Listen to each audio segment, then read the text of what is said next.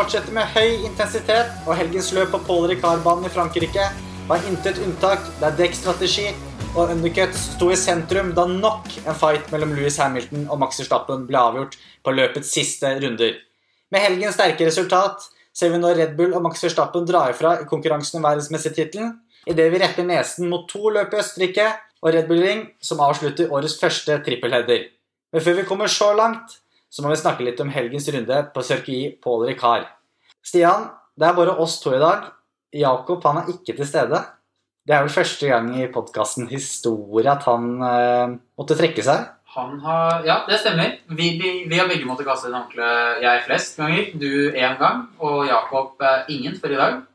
Ferdig som student nå, vet du, så nå er det rett ut i jobb. Da har man ikke tid til å podde hele tiden. Nei, det er det. Takler han overgangen, er spørsmålet her. Forrige episode så snakket jeg om at eh, dette løpet her ville sannsynligvis bli bra, siden denne sesongen her er jo helt klin kokos eh, og kaos bra. Eh, Det levde absolutt opp til forventningene, kan vi ikke si det, Stian? Du hadde absolutt rett. Jeg var jo av den oppfatningen at jeg tenkte at Paul Ricard kom til å bli en litt sånn snorkefest, men så feil kan man ta. Det, at denne sesongen fortsetter å levere på det absolutt høyeste nivået. Eh, og det viser seg da at det er kanskje ikke lurt å drive og endre regul altså, reglene så veldig ofte. da. Ja, nå som vi får så tett racing eh, både i midtfelt og i topp, så tenker vi ok, nå blir det helt nye biler fra neste år. Er det litt sånn nei, kanskje ikke allikevel at man skulle gjort det, eller er det til det gode for Formel 1 at det blir det? Jeg håper at det er til det gode, når jeg sitter sånn og så velger alle de ordene jeg har sagt tidligere i podkasten og bare sagt ah, jeg gleder meg til å få nye biler og sånt. For nå sitter jeg sånn faen, kanskje ett år til med disse bilene hadde vært nå. Nå ser vi jo potensialet i spenningen i Formel 1 som vi egentlig ikke har hatt på veldig mange år, da. Ja, vi gjør det. Og som sagt, jeg satser på at det ikke forsvinner med de neste bilene. Vi kan starte med kvalifiseringen. Ikke så mye som skjedde der. Det satte seg litt uh, ut ifra styrkeforholdene til lagene, men eh, det ble jo et rødflagg der også. Ja, og det er jo igjen da eh, Tsunoda som eh, lager dette rødflagget. Eh, det virker som han er kanskje litt for hissig. Og hva tenker du om Altså, Hvordan lover dette her for han videre, da? For hans Formel 1-karriere? Jeg, jeg, jeg personlig tror at han sitter ganske trygt. Altså, han er jo veldig touch and go og kjører litt sånn kamikaze.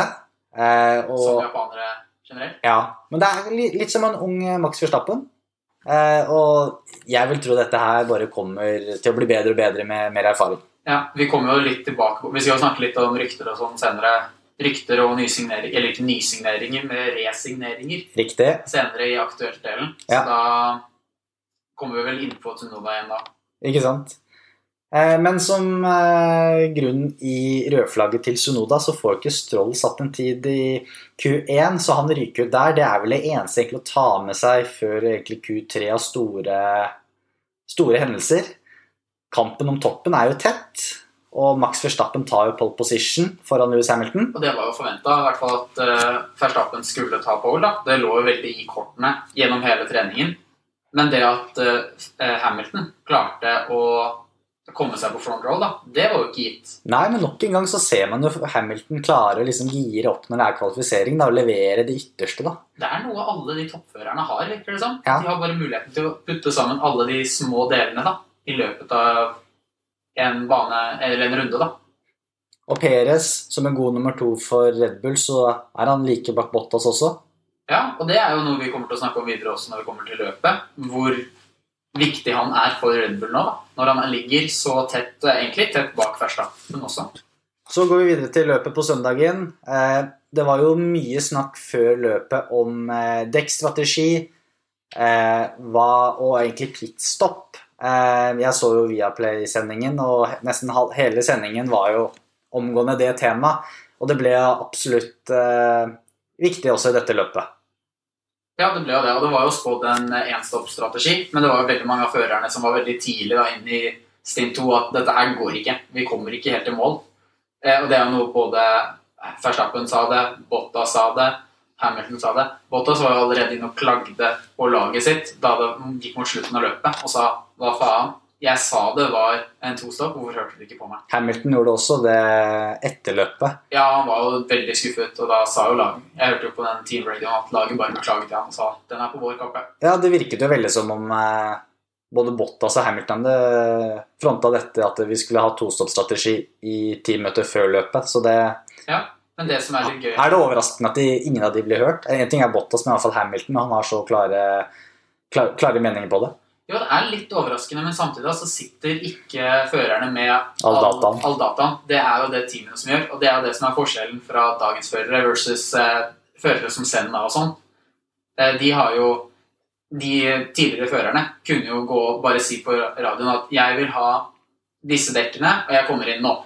Men sånn er det jo ikke lenger, fordi lagene sitter på all informasjonen. Eh, Men dette med strategi var jo veldig spennende. da, For man kan jo trekke litt likhetstrekk her til tidligere sesonger, hvor kanskje Red Bull har snudd da. Ja, du ser jo veldig lik sammenligning med f.eks. Barcelona. Ja, det er akkurat det jeg tenkte på også. Ja. Hvor Red Bull egentlig presser eh, Red Bull presser Mercedes til å være ute lenger. Hvor, siden de har den bil nummer to nå, som de faktisk må komme seg forbi. Ja, Det har mye å si, men vi kan jo starte egentlig fra starta på det løpet. Førstappen litt ut i første sving. Ganske veldig ut i første sleit med vind. Ja, han sa det, men så er det liksom sånn det er, Alle førerne, alle de 19 andre førerne, de kom seg gjennom den svingen.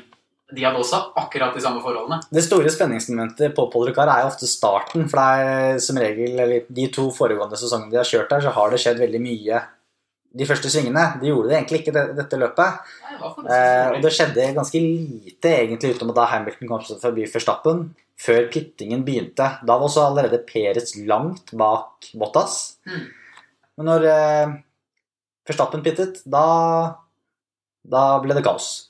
Det ble det. Og det var jo som jeg sa her, eh, eller som jeg sa, som jeg har skrevet i dokumentet vårt, at eh, the undercut is strong with this one. Uh, med this one mener da Paul Ricard. For her, alle omtrent som pitta tidlig, kom seg og fikk en veldig stor forsprang. Ja, men jeg, jeg skjønte fortsatt ikke hvordan det var mulig at Verstappen klarte å komme forbi. Jeg, altså, og det gjorde jo ingen i Mercedes heller. Eh, jeg, jeg så jo på tidene til Forstappen sammenlignet med Hamilton sine, og tid i pit, og det, det skulle jo ikke gi mening. Men eh, Han hadde et ekstremt sterkt utrunde. Det var helt sjukt. ja, siste sektoren var det han tok mest på der, så Og han kom seg forbi, og de neste rundene etter det var jo helt fantastiske. Hamilton var jo helt vill etter å prøve å komme seg forbi, og Forstappen lurte på, på teamradioen om vi kan ikke holde på med dette her i 30 runder til. Nei, Det var vel da Hamilton også kom tilbake og sa jeg er enig med han, at dette her går ikke Men sånn sett sånn taktisk så er det vel mer behagelig for Hamilton da, å hente Verstappen enn å bli henta sånn som Verstappen ble der. Jeg tenker det, jeg også. Det er mer sånn eh, Da har du liksom noe å fokusere på. Mens det er litt mer uforutsigbart når du ligger foran. Du vet ikke helt hvor han kommer. og Men der kan du virkelig gi masse kudos til Verstappen, da, som nå du ser at har blitt veldig moden. For han gjør jo faktisk ikke noe feil der. Han har vokst veldig på disse årene, da. Eh, Du husker jo hendelser tidligere med, ja, med stort sett da med Ricciardo, da. Hvor han kanskje virker ganske umoden. Men eh, han har kommet seg nå. Og Det er veldig fort gjort å gjøre feil i den situasjonen når du ville pressa såpass hardt til Hamilton, men det virker som Verstappen var veldig rolig. Ja. Han har jo vært i gamet lenge, da. Eh, Som et resultat av denne harde kjøringen her, så går jo Red Bull på og pitter en gang til med Verstappen. Ja, de gjør jo det alle førerne har ropt om. Eh, Og Hamilton hadde jo også snakket tidligere i løpet at vi må pitte en gang til. La oss undercutte dem. Men det er jo det det handler litt om når det er altså en mellomting mellom ett og to-strategi. At eh, det er den som pitter først, som har fordelen. Veldig Og ofte, veldig ofte du blir litt sittende som en sånn sitting duck og egentlig ikke har noe valg enn å bare kjøre på. Og, sånn som Hamilton egentlig hadde der, Ja. når først Verstappen var inne. Mm.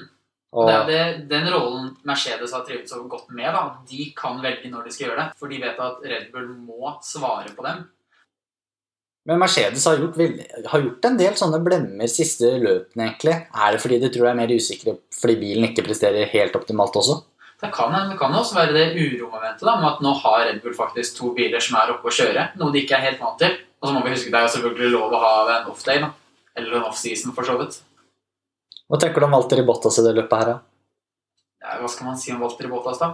Litt sånn eh, no man's land. Det er jo som eh, Rosberg sa Rosberg kritiserte jo Bottas noe ekstremt fordi han hadde vært Han, hadde, han forsvarte seg så svakt mot, eh, mot uh, Verstappen. Men Også Peres. også Peres. Men hva tenker du? Hvor mye kunne Bottas egentlig gjort det? Det er litt sånn, Du så det på Hamilton når Verstappen først kjørte forbi jeg var ganske sikker på at ok, dette her kommer Verstappen til å ta igjen. Men så var det noen runder der, når det var fire runder igjen, vel, der det var et stykke mellom Hamilton og Verstappen. Det var rundt fem sekunder, og da var jeg ganske sikker på at det ikke kom til å skje.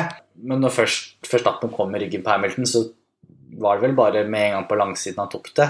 På Mestral-langsiden. Ja. Så når dekkene er helt kjørt, da, så har du vel ikke så mye valg enn å slippe forbi. Nei, det er, jo ikke noe poeng nesten å kjempe mot han heller. Nei. Og det er jo sikkert det Bottas spurte at han ikke hadde noe å svare med uansett. Som et resultat av dette her, så får jo også, kommer jo også Sergio Perez forbi Walter Bottas. Ja. Og Red Bull kommer da på første- og tredjeplass. Mm. Det gjør at Red Bull skårer enda flere poeng eh, i kampen om sammenlagtseieren både i konstruktør og i førermesterskapet med Max Verstappen, De gjør det. sammenlignet med Mercedes. Og de fikk jo fastest point i tillegg. Og det har også kommet noe kritikk da, til Mercedes. Hvorfor pitta de ikke Bottas inn? da? Og Han hadde jo en hel på- luke der. De hadde vel tre runder igjen når Perez kjørte forbi Bottas, Ja, så han hadde jo mulighet til det. Hadde hatt mulighet til å få en warm-up-lap og så sette fast lap på siste runden også. Men skal jeg kjenne Jeg tror ikke han hadde klart det, selv om han hadde hatt helt ferske dekk. Det kan godt hende, men han syns ikke det hadde vært et forsøk. Jo, jeg er helt enig. Det er jo det vi har snakket om tidligere, at uh, Mercedes sier jo at de vil jo gi alt for alle pengene som er mulig å få, få, men det er veldig defensivt at de ikke gjør det nå. Jeg ble egentlig veldig overrasket Nei, de ikke gjorde det. Ja, ja, jeg også, men så har jeg tenkt litt etterpå. Det var jo en investigation da på Peres forbikjøring. Ja, men den, den var svak, altså. Jeg, jeg var helt sikker på at det der ikke skulle bli noe straff for Peres. Ja, jeg, jeg også. Jo, uansett, de, de, de sa at hadde det eventuelt blitt straff, så hadde det blitt maks en femsekundersstraff, for Peres var jo fem sekunder foran Bottas på nesten en runde. Ja, ikke sant. Så sånn i etterpåklokskapens uh, så kunne man si at de burde pitta, men akkurat der hadde vi et lite håp på at rollene skulle bli reversert eller et eller annet sånt. da. Ikke sant? Et lag som hadde, det, hadde en skikkelig dårlig helg, var jo Ferrari. Åh, mamma mia. Mamma mia. Det var elendig. Og det her, nå snakker vi Det var ikke så ille på kvalifiseringen, da. Kvalifiseringen var bra, men det er også en sånn fellesnevner med at den bilen er veldig god. For den er veldig god til å varme opp dekkene sine, så den har veldig gode dekk da. Det ser du jo spesielt ja, både i Baku og Monaco også, så gjør det veldig bra i kvalifisering. Ja, ikke sant? For det er også ganske bra i løpet der, for det er baner som ikke tar så mye ut av dekkene. Men ja, og det kan jo hende at nå, de økte trykket i bakdekkene nå pga. hva som skjedde i Baku, med to PSI, tror jeg. Eh, Og det kan jo ha gjort noe med balansen til bilen, eller et eller annet sånt. Det starter jo med at uh, Science uh, kjører ut allerede på utrunden og egentlig får dekkene ødelagt der. Ja. Da, da er det jo nesten ødelagt allerede. I hvert fall på denne banen her der dekkstrategi var så viktig. da. Ja, det er jo det, men han havner likevel foran Leclerc i, eh, sånn til slutt. Leclerc havner på var det karrieredårligste, men 16.-plass. Ja, det var veldig sånn Det var jo så mye fokus, og det skjedde så mye egentlig i front at man bare Når jeg så resultatet, så bare Jøss, når var det Leclerc kom så langt ned? Jeg, jeg bare skjønte det ikke. Han var, egentlig, ja, han var egentlig ikke noe Han var egentlig ikke noe å se i løpet i det hele tatt. Nei, jeg tror bare at bilen Han sa det selv etterpå at det her var det vanskeligste løpet han har gjort. Og ja, det nå ser man jo også på resultatlista. Ja, så ser du jo Du har jo andre sterke biler. altså Alpinbilen går jo så du suser på disse banene her. Samme med Ja. egentlig Aston Martin også. Lance Stroll kjører seg opp egentlig fra helt sist og skårer poeng. Fettel på poeng. Og McLaren har nå begge gutta høyt oppe. Hva tenker du om eh, at Daniel Ricardo kom på sjette nå? Er han, er han tilbake der han skal være?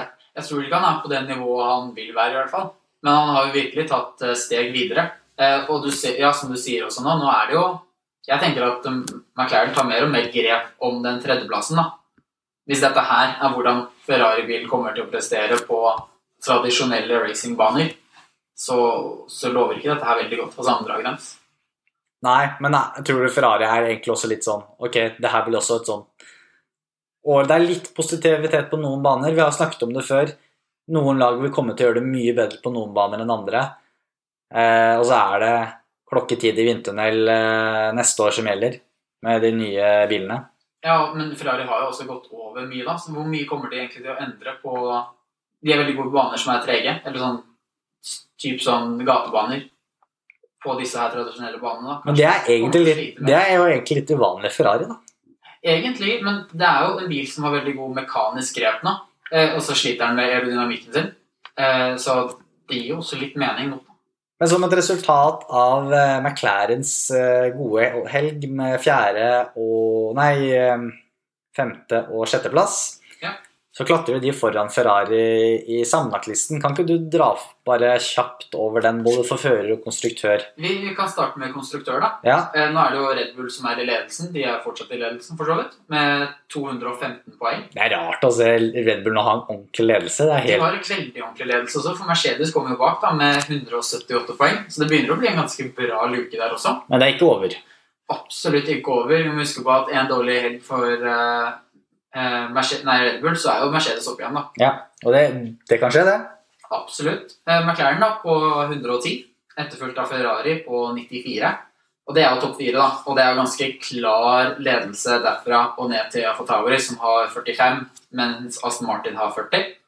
Eh, 29 poeng på alpin. Ja, og alpin, jeg så et intervju med teamsjefen i alpin. Han var veldig klar på at fjerdeplass var det de sikta på i år. Så det, de har noen poeng å gå på der. De har en lang vei å gå, da. De må jo da triple poengsummen sin for å være i nærheten av, eh, nærheten av Ferrari. Ja. Eh, Alfa Romeo to poeng, og så er det Williams og Haas da, som er på null poeng. Og Williams tar da niendeplassen pga. at de har skåret høyere eller et eller annet sånt. Ja, det er vel det. Og i førermesterskapet, der har Max Verstappen økt ledelsen. Det har han. Han ligger jo på 131 poeng nå, med Louis Hamilton. eh, Ja, mer har ikke jeg her, men eh, Hamilton ligger da på 119 poeng. Etterfulgt av Perez, som har tredjeplassen nå, med 84. Eh, Norris på fjerdeplassen med 76. Så er det Walter Bottas helt nede på femteplassen nå. Skuffende for han å være, på 59 poeng. Og så er det Leclerc, da, på 52. Og hans lagkompis Carlos Sainz på 42 poeng. Det ser jo mer og mer ut som Bottas begynner å bli ferdig med Mercedes. Ja, det gjør det. Det er noe vi kommer tilbake til senere i dag også. Ikke sant?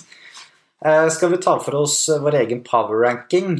Ja, det kan vi gjøre. Eh, Og Jakob, eh, vi har vel ikke fått inn noe fra han, så da er det bare vi to som styrer den i dag. Det er det, vet du. Ja. Har du noe, noen du har nominert, eller? Nei, jeg har egentlig satt 3, 2 og 1 stjerne. Tre. Og denne gang så har jeg vært litt mer på toppen igjen. Eh. De siste rundene så har vi gitt stjerner ute fra prestasjonene til faktisk de litt Litt førerne lenger ned på resultatlistene. Ja. Det gjør jeg ikke i dag.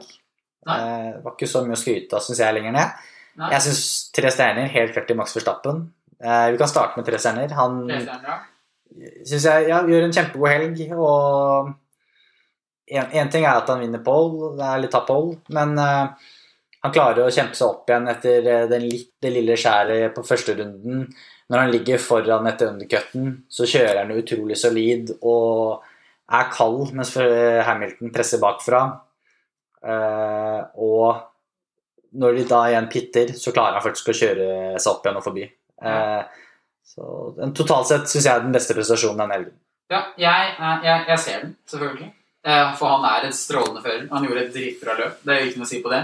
Det eneste jeg tenker da, som gjør at jeg ikke har plassert ham på tre stjerner, er at han er eh, Det er den feilen da, i første svingen, hvor han kjører ut, eh, som gjør at han Men han, ja, han gjør at han må vinne dette løpet flere ganger, for der på en måte så tapte han jo. Men da gjør han jo faktisk det òg, da. Og det er jo prestasjonen da er jo veldig stor, da. Og så er det det her med at han også han er i klart den beste bilen, i hvert fall på denne banen.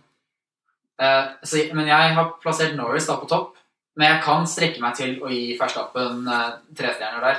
Jeg føler, jeg føler liksom Verstappen, jeg tror, mener du husker at i sammendraget i powerrankingen vår, så har Verstappen bare tre stjerner. Det, jeg tror det Og, Han bør være høyere. og er det, jeg føler jeg en grunn å gi han tre stjerner til nå for å komme egentlig der han fortjener å være, da, så er det denne helgen.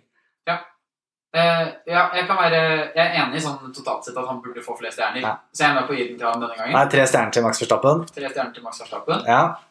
Eh, jeg plasserte jo Verstappen på to stjerner, da. Eh, men da vil jeg argumentere med Norris.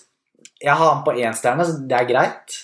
Ja, eh, fordi Norris gjør det igjen, da. Det er et av de, de løpene han bare Han er suveren. Og han gjør absolutt det beste den bilen kan. Han gjør det så bra som mulig ut ifra hva den bilen kan gi han. Og så er det, det er akkurat som man har fått noen tips av Ricardo også nå, fordi de, noen av de forbikjøringene han gjør, på steder man ikke tror det er mulig å gjøre forbikjøringer, det er helt sykt. Og det er så gøy å se en så offensiv fyr. Ja, og jeg tror kommentatorene i, på Formel 1 TV da sa at det er en ny eh, overtaking her, da. Ja, tatt av fra Ricciardo. er en ny er- stjerne på det.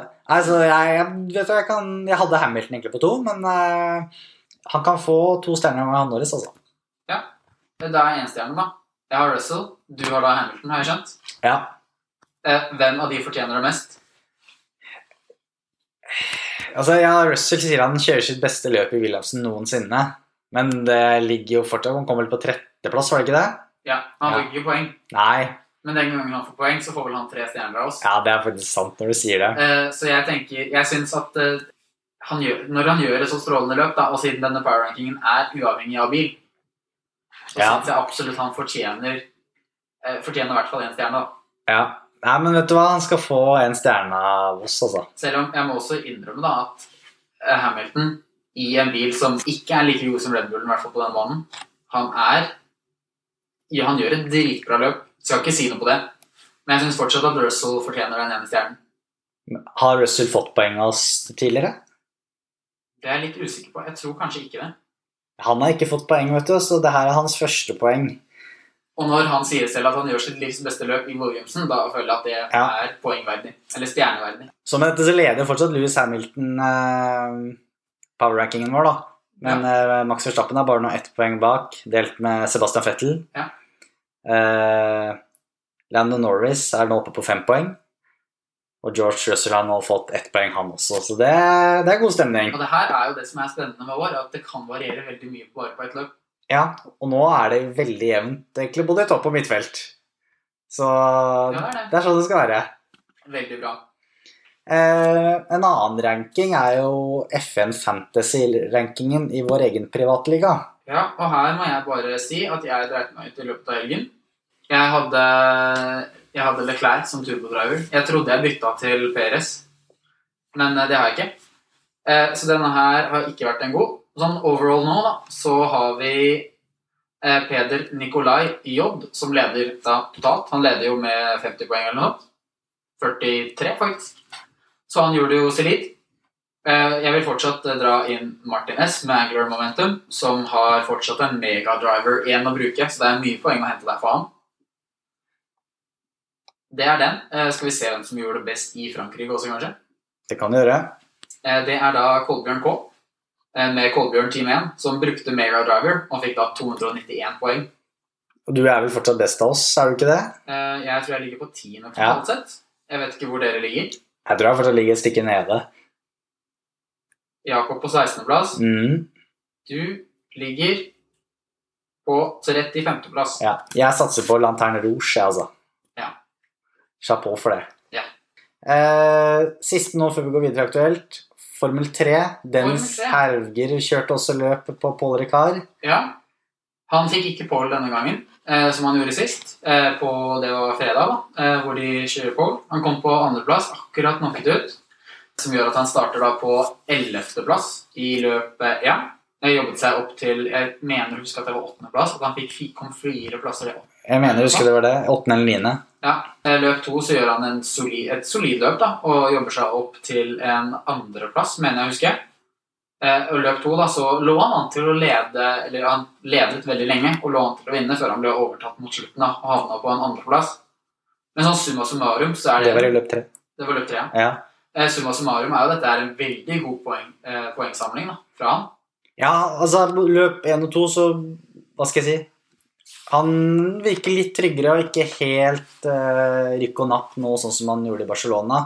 Så farene for å hva skal jeg si, krasje og kjøre ut da, er mye mindre. da.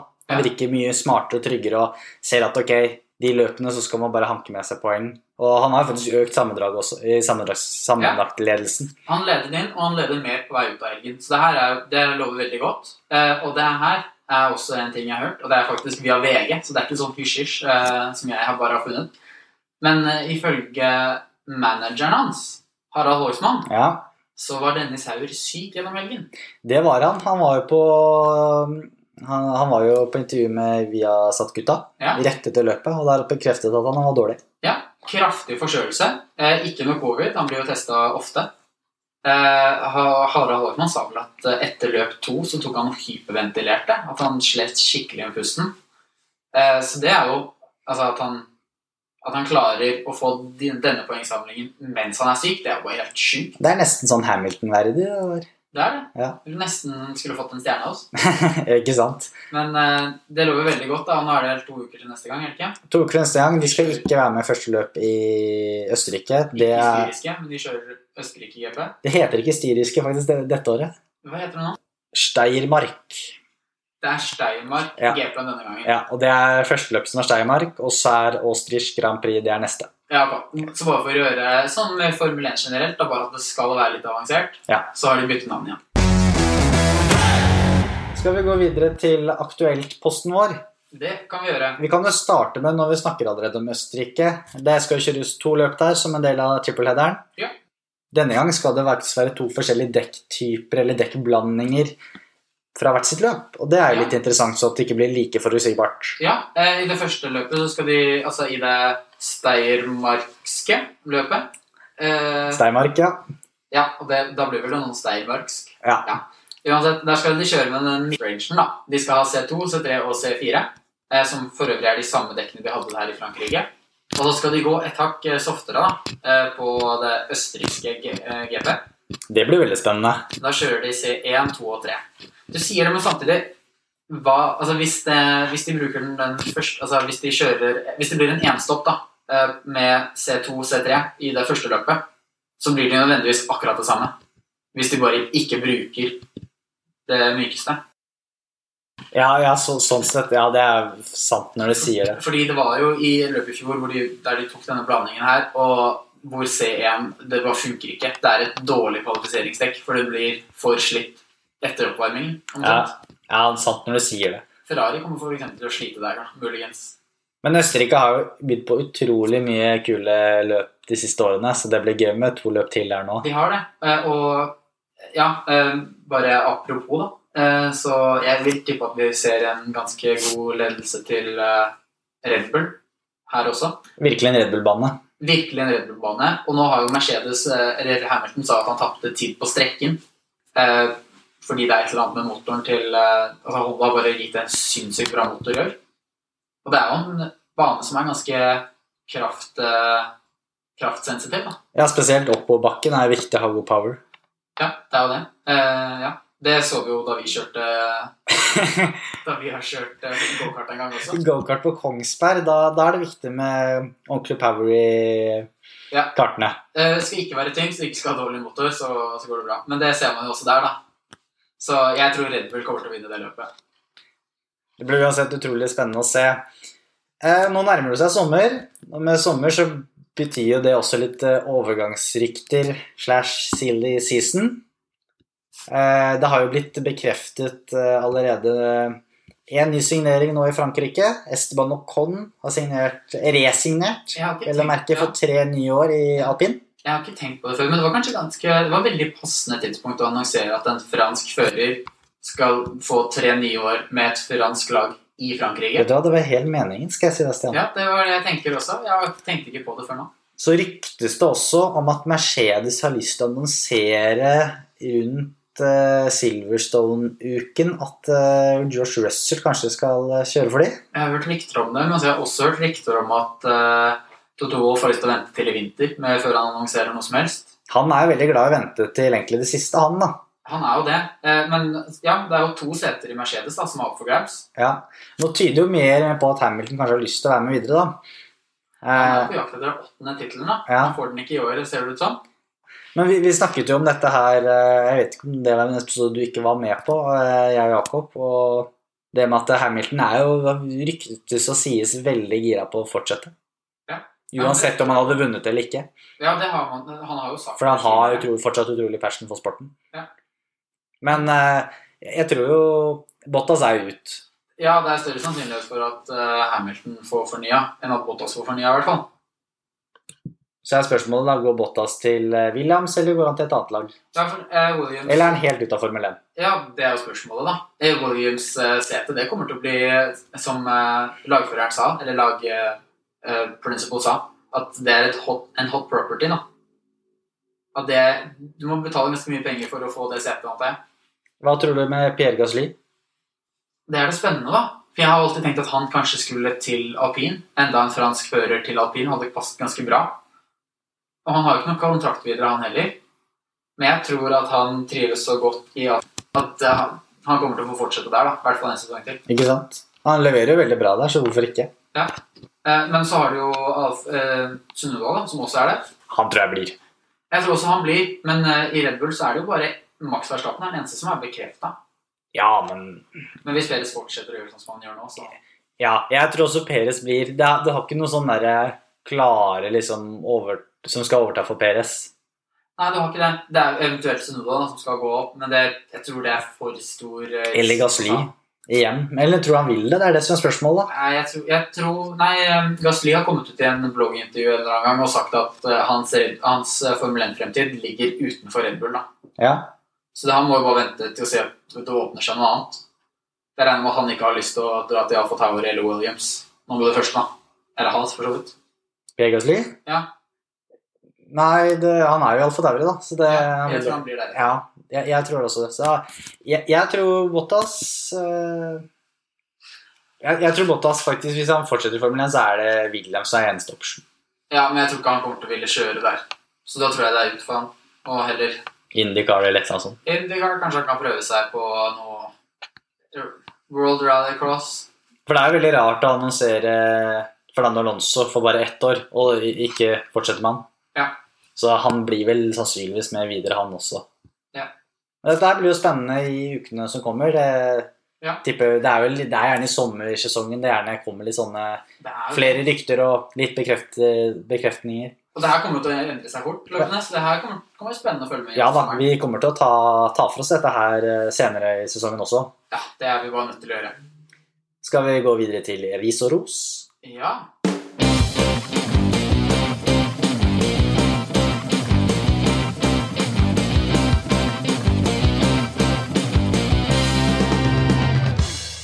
Ris og ros. Hvem vil starte? Vet du hva, du kan få starte. Eller skal jeg starte i dag, faktisk? Jeg har to Jeg hørte stykker. rykter om at du hadde en veldig god Jeg hadde to riser i dag. Jeg, Riser? jeg, følte den, jeg føler den første er ikke litt god. Jeg vet ikke om du fikk med dette her. Eh, Vi snakket om det også i Monaco. Produsenten av Helgens løp, som setter opp et kamerateam eller kameramann midt i skogen mot slutten av Mistral-langsiden. Det er jo helt udugelig. La du Ja. merke til det? Nei, jeg tenkte ikke noe over det. Nei. Etter de kommer ut av sjikanen, Ja. så ser du bilene langs hele slutten av Mistral-langsiden inn i den svingen. Ja. Da er det en mann med et kamera som står midt i skogen, og det er bare trær fra og Du ser så vidt bilene. Det, det var nesten hver runde. Jeg skjønner ikke hvordan det er mulig. Nei, nei den, uh, Det så mer ut som en stalker som prøvde å få, få noe på film. Så rett og slett en ris til produsentene der, da. Yes. For å ikke vite hvor de plasserer folka Vi har risa det der før, og det er fortsatt dårlig, dårlig slettjobb. Ja, de ble, ja, stemmer. Jeg husker jeg var med på Monaco, så den husker jeg. Ja. Den andre listen min, eh, det går egentlig til spesielt Louis Hamilton, men kanskje litt også Walter Bottas, da. eh, For å klage så mye over radio, da, til teamet over at de kun hadde en S-drop-strategi. Jeg tenker det er noe du kan ta på kamera. Altså, han, han kaster i Spesielt Hamilton kaster i litt under bussen, egentlig, på radio, over radioen her etter løpet. Ja. Og sier nesten at eh, dere er udugelige. Ja, ja, det er sant. Sånn burde du ta på bakgrunnen. Ja, jeg skjønner at Hamilton var frustrert, men han er en voksen mann som bør eh, klare å holde det inni seg i hvert fall eh, en halvtime til eh, man kan gå bak på, bak på bakrommet og ta det opp der. Enig. Enig. Jeg, min ros, nei, ris, går ikke til noen i Formel 1 i det hele tatt. Dette her er en situasjon i Formel E som jeg endelig får sprinkle inn. Ja, det er lenge siden jeg har snakket om Formel E denne podden, Stian. Det er det. Og det her var en ganske bisarr situasjon hvor Ferlein eh, vant Formel 1-løpet i Puebla, men ble diskvalifisert for ikke å ha deklarert riktig dekk. Det vil si, før løpet så skal de alle sende inn et eh, registreringsnummer. Så de, eh, så de eh, Så det er ikke som i Formel 1 at du får utdelt dekk. Jo, jeg tror det, men du må registrere dem sånn at du vet at det er riktig dekk, at de, skal være med de samme, ikke sant? En på Porsche-laget hadde Det var ett tastetrykk som manglet før at det var ok. Og så disket hele løpet.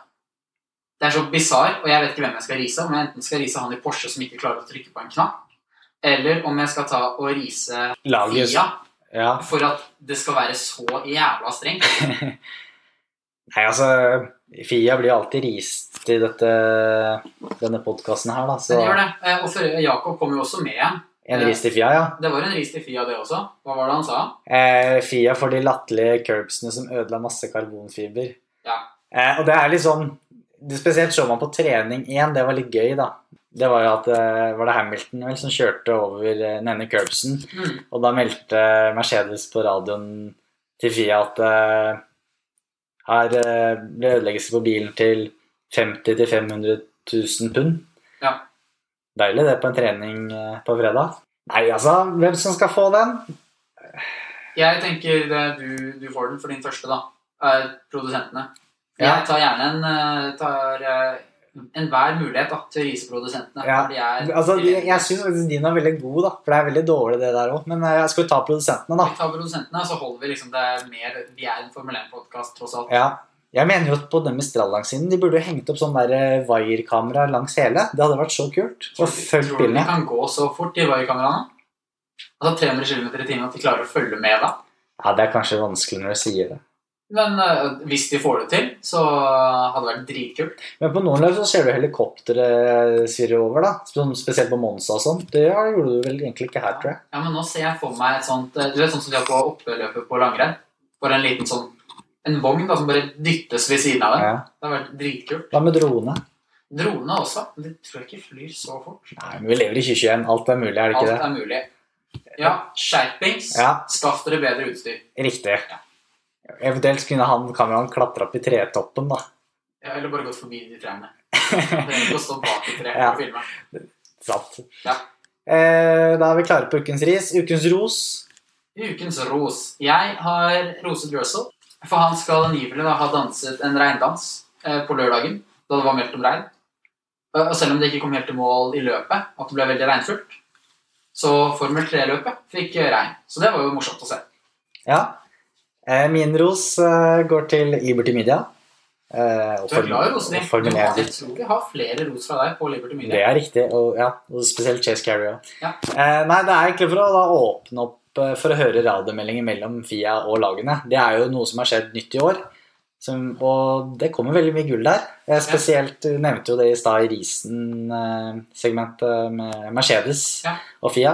Det er, det er veldig gøy. og Det er flere morsomme gullkorn vi har fått der i de siste løpene. Ja. det. Det neste de bør åpne, er jo en sånn eh, radio mellom eh, Mercedes og Red Bull, sånn at de bare kan disse hverandre underveis i løpet. Det har vært veldig gøy. Det var- Altså, to, nei, Toto sier jeg Christian Horner er veldig glad i å melde på kona til uh, Toto. Jeg kan få den litt i nedløpet. Ja, det var gøy. Ja, Hva er det Jakob har tatt og rost, da? Vi fikk en, vi fikk bare, jeg fikk bare en ris fra Jakob. Nei, jeg fikk to ros, faktisk. Jeg har fått to ros her. Å ja, det så jeg ikke. Eh, franske myndigheter for å sørge for, at, eh, eh, for en penere Ferrari-bil. Altså at de ikke får lov å reklamere mot tobakk, da. Som hemmer i hvert fall de med Marlboroen. Da. Ja, Da, det vil si at da har de ikke det grønne, grønne logoen der. Ja. Det er tommel opp for det. Altså Ferrari var så ubetydelig i løpet da, nesten at jeg, jeg merka egentlig ikke at den logoen ikke var der. Nei, men det er jo likevel en stor forbedring på Ferrari-bilen. Ja. Slippe å se den neongrønne der. Eh, og så har du Arthur Leclerc, har han også rost, da. For å kjøre seg opp 18 plasser i løp 1 og 17 plasser i løp 3. Han vant jo da for øvrig han vant jo løp 2 da, også. Ja, nei Han ble jo roset av Charles Leclerc Ja. eh, etterpå. Hva tenker du da? Jeg liker egentlig Jakob sin, selv om det liksom, Den første? Den første, ja. Ja, men vi kan ta den. For å sørge for en penere bil. For de fikk, de Ferrari fikk jo så mye ros for å ha den grønne Fikk så mye ris. ris, mener jeg. Ja. For å ha den grønne. Ja. Så, så jeg syns at vi skal rose franske myndigheter. Det er en liten shout til Jakob som ikke er her, det, da. Det er også det, og det, det smerter meg veldig å gi den til ham, selv om når han ikke kan møte opp. Ja. Men uh, han fortjener det med den. Ja, ja nei, men da er vi enige med det. Da går ukens ros til franske myndigheter for å være litt harde på reklamer, sånn at Ferrari ikke har den Malbro-logoen liggende på siden av bilen. Yep. Med det så er vi ved veis ende. Da er det bare noen få dager igjen til egentlig et nytt løp. Ja, det er jo en trippelleder nå, så nå går det smack smack her. Red Bull Ring X, X1 Ja. først. Blir vel fortsatt et forrykende løp, det er som sesongen, eh, denne sesongen her. Vi får satse på det. Jeg, altså, jeg er litt redd for at eh, Red Bull eh, tar, tar bare og trasker av gårde, holdt jeg på å si. Ja, for Vi vil jo ikke ha et Red Bull som bare drar fra sånn som Mercedes har gjort de siste årene. Vi vil jo ha kampen. Vi vil ha kamp, og det er det jeg er redd for at uh, dette er altså, Sånn som Red Bull-bil ser ut, da, i hvert fall sånn så ut på Paul Ricard, at det, det kan gå litt andre veien. Det blir i hvert fall spennende å se. Da er vi tilbake igjen om en ukes tid, sånn cirka, vil jeg tro. Eh, da også med Jakob, forhåpentligvis. Forhåpentligvis. Hvis han ikke blir igjen på jobb. Mm. Ja, han jobber. Han har blitt businessmann. han, vet du. Ja, ja, ja. Men med det så takker vi for denne gang, og så snakkes vi neste uke. Det gjør vi. Ha det bra.